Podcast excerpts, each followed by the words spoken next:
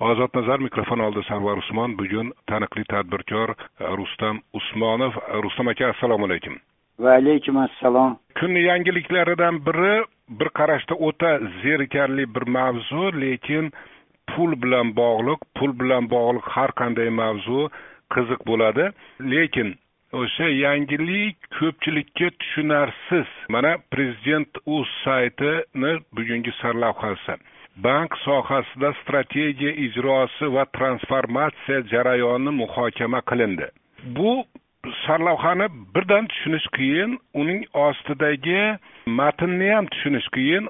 Gap nima haqdaligini oddiy shu o'zbekchadan o'zbekchaga tarjima qilib tushuntirib bering. Undan keyin men e, shu matndan kelib chiqqan savollarimni beraman. Marhamat. Bank sohasidagi prezident ko'targan masalalar judayam judayam muhim masalalar. Sababi bank o'zbekiston bank tizimi bugungi kunda o'zbekiston manfaati uchun emas faqat o'sha bankda ishlayotgan markaziy bank manfaati uchun ishlayapti desam xato bo'lmaydi. Yashirmayman ochiq aytishim kerak. Men mana qamoqdan chiqqanimdan beri bank bilan juda ko'p marta to'qnash keldim. O'sha bankni bugungi olib borayotgan siyosati o'zbekistonda oyog'iga bog'langan tushov desam yolg'on bo'lmaydi. Tushovni bilasiz hayvon tez yurib ketmasligi uchun qochib ketmasligi uchun oyog'ini bog'lab qo'yishadi. O'zbekiston bank tizimi o'zbekistonni oyog'ini bog'lab qo'yyapti nima bilan? O'zbekistonni oyog'ini shu bilan bog'layaptiki berayotgan kreditlari uchun juda katta summada foiz olyapti. Mana men hozirgina ipoteka kreditini olib ish bajarmoqchi edim qilmoqchi edim. Buni yigirma olti foiz deb aytishdi. Yiliga men ipoteka krediti shunday kreditki unga olib men uy solaman solgan uyimni sotaman. Ana shundan yigirma olti foizini men bankka to'lashim kerak edi. Hay prezidenti mana kechagi nimalaridan ko'rgan choralaridan buni bor yo'g'i besh foizga tushib yigirma bir foiz qilishdi.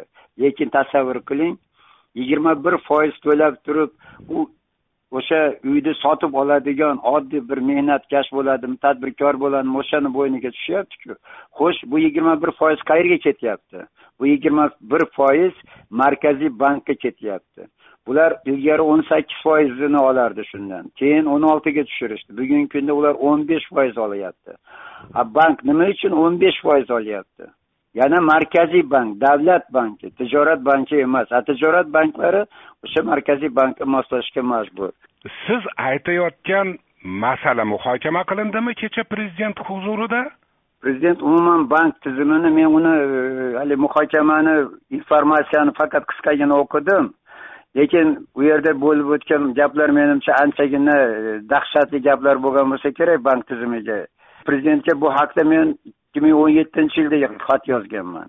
Mana bizda imtiyozli kredit degan narsa bor. Prezident juda katta nimalar bilan imtiyozli kreditlarni beryapti. Ana shu imtiyozli kredit uchun buni to'g'ri aytish kerak. Besh foizlik shapkasi bor ya'ni porasi bor. O'n ikki foizlik imtiyoz bilan to'lasam o'sha o'n ikki foizni ustiga baribir besh foiz qo'shib beraman. Nima uchun? Chunki mana bu yerda to'g'ridan to'g'ri olingan kommersiya kreditda yigirma bir foiz. To'xtang o'sha davlat rahbari matbuot xizmatini kechagi xabarida aytilishicha prezident o'tkazgan majlisda korrupsiya masalasi ham tilga olingan uni alohida to'xtalaylik keling yana prezidentni rasmiy saytini xabaridan kelib chiqib mana endi savol bermoqchiman qarang bu nima degani oltinchi iyul kuni bank aktivlarida xususiy sektor ulushini o'n besh foizdan oltmish foizga oshirishga qaratilgan. Yigirmanchi yigirma beshinchi yillarga mo'ljallangan o'zbekiston respublikasi bank tizimini isloh qilish strategiyasini amalga oshirish hamda mamlakat tijorat banklarining transformatsiya jarayonini jadallashtirish bo'yicha yig'ilish o'tkazildi deyilyapti. Nima bu? Bu yerda ikkita ma'no bor. Birinchisi banklardagi aholini pul mablag'larini oshirish haqida ketadi. Bu xususiy ya'ni bugungi kunda banklarimizdagi mablag'larni asosiy qismi bu davlat mablag'lari. Xususiy ya'ni aholini mablag'lari u yerda judayam kam. Hozirgi e, ikkinchi yana bitta ma'nosi o'zbekistonda xususiy banklar juda ham oz. Ana shu nuqtai nazardan bu yerda ham xususiy banklar salmog'ini oshirish ham aholi pul jamg'armalarini banklarga jalb qilish haqida ketyapti. Bank bank aktivlarida xususiy sektor ulushi deyilganda o'sha aholini pul jamg'armalarini bankka jalb qilish a albatta. Aholini pul jamg'armalarini bankka jalb qilish bu dunyodagi hamma banklarni birinchi darajadagi vazifasi. Endi bu bu masalani bu masalani ijobiy hal qilish uchun o'sha xususiy sektorni ulushini ko'paytirish uchun banklarga bo'lgan ishonchni mustahkamlash orqali qilinmaydimi? Inflyatsiya darajasini pastligi orqali qilinmaydimi? Endi odamlar bankka ko'p qo'ysa u pul qadrsizlanib ketyapti. Mana shu masaladan nima deysiz? Haqiqatda masalan pulim bo'lsa bugungi kunda bankka qo'yib u pulni saqlamayman. Chunki bank beradigan foiz meni pulimni qadrsizlanish darajasini ta'min etolmaydi masalani mohiyati o'zbekistondagi pulni qadrsizlanishi. Afsuski bu masalada o'zbekistonda e, gapiradigan odam juda kam. Masalan men qachondan beri qamoqdan chiqqanimdan beri gapiraman. O'zbekistondagi pulning qadrsizlanishiga birinchi navbatda markaziy bank aybdor. Markaziy ayb bank buni tuhmat deb bilsa meni sudga bersin deb ham chiqdim. Lekin indamayapti holbuki bugun o'zbekistonda tijorat banklari dollarni o'n ming bir yuz ellik so'mdan sotayotgan bo'lsa yoki sotib olayotgan bo'lsa ana shu darajani o'zi o'sha dollarni bir paytlar bizni bir rublimiz bir dollar deb oladigan bo'lsak o'n million marta bizni pulimizni qadrsizlanganini bildiradi. Rustam aka ana shu rustam aka bu masalaga alohida bugungi suhbat doirasida alohida to'xtalamiz. Chunki e, jahon bankini hisoboti chiqdi yaqinda va kecha biz maqola qildik. Buni alohida so'rayman. Keling yana o'sha kechagi majlisda aytilgan gaplar. Aytilyaptiki yig'ilishda bank tizimida korrupsiyaga barham berish masalasiga alohida e'tibor qaratildi deyilyapti lekin e, buni tafsilotlari bu gapni tafsilotlari xabarda berilmagan. O'sha bank tizimidagi korrupsiya masalasi. Shu qadar katta problemamiki e, prezident alohida shunga e'tibor beribdi kecha. Bu haqiqatda juda katta problema. Masalan men prezident mirziyoyevni nomiga ikki ming o'n yettinchi yil yigirma uchinchi iyun kuni bor yo'g'i bir betdan iborat shikoyat xati yozganman. O'sha shikoyat xatida banklar berilayotgan kreditdan besh foizini oldindan shapka sifatida talab qilishlarini yozgan edim. Menga ana shu xatimga markaziy bank javob berdi.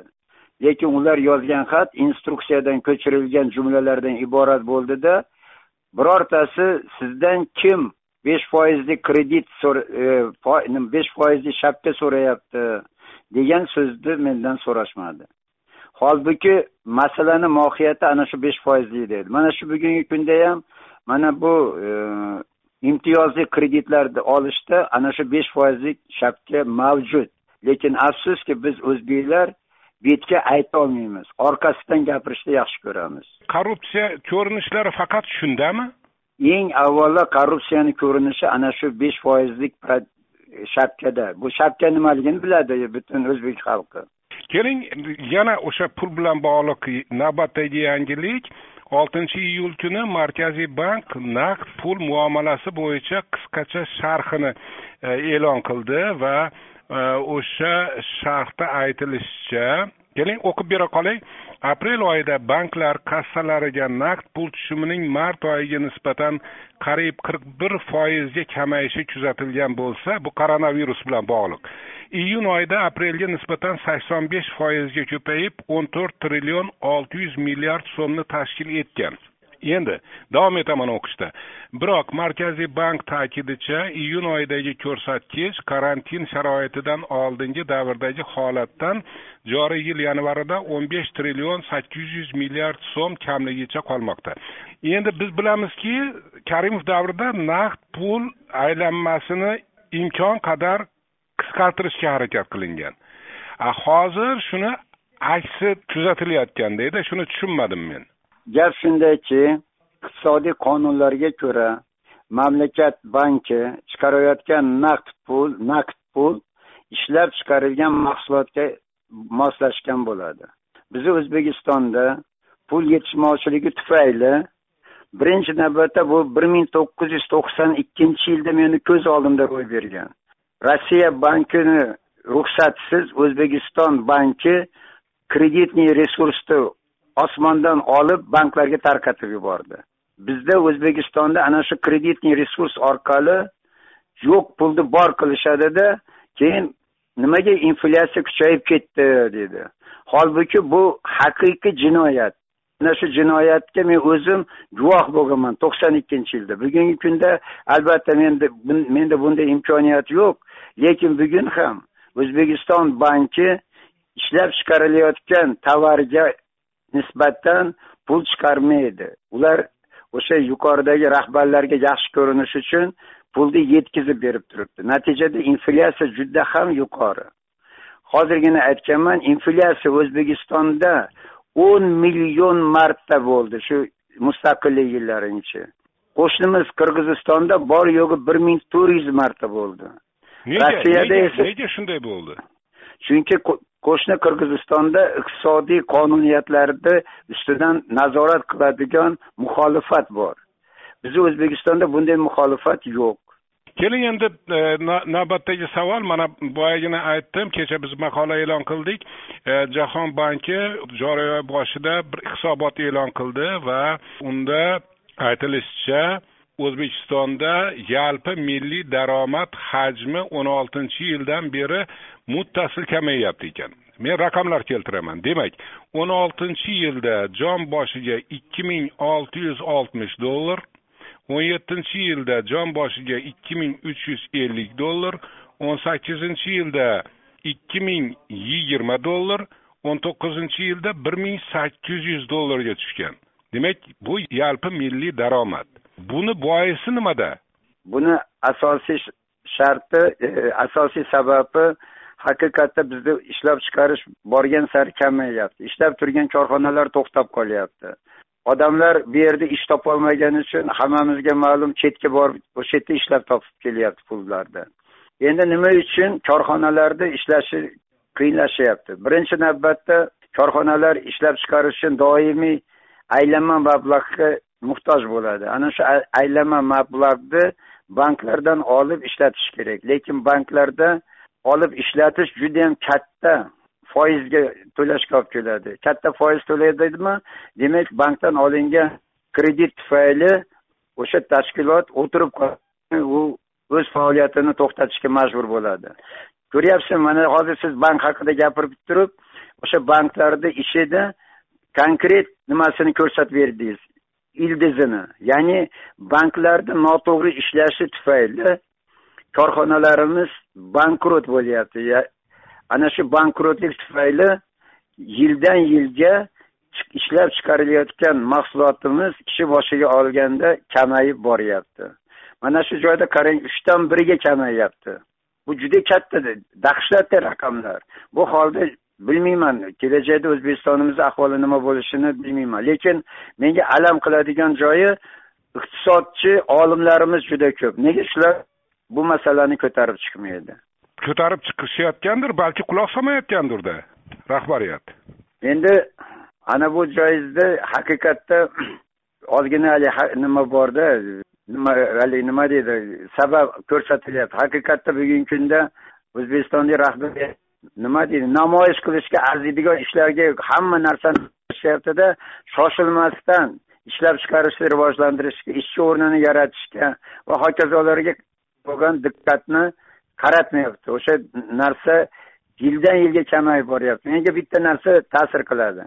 Men ilgari ham bu narsani aytgandim mirziyoyev olib borayotgan mana bu e, siyosatini men qo'llab quvvatlayman lekin ana shu siyosatni ijrosi juda ham past bo'lyapti.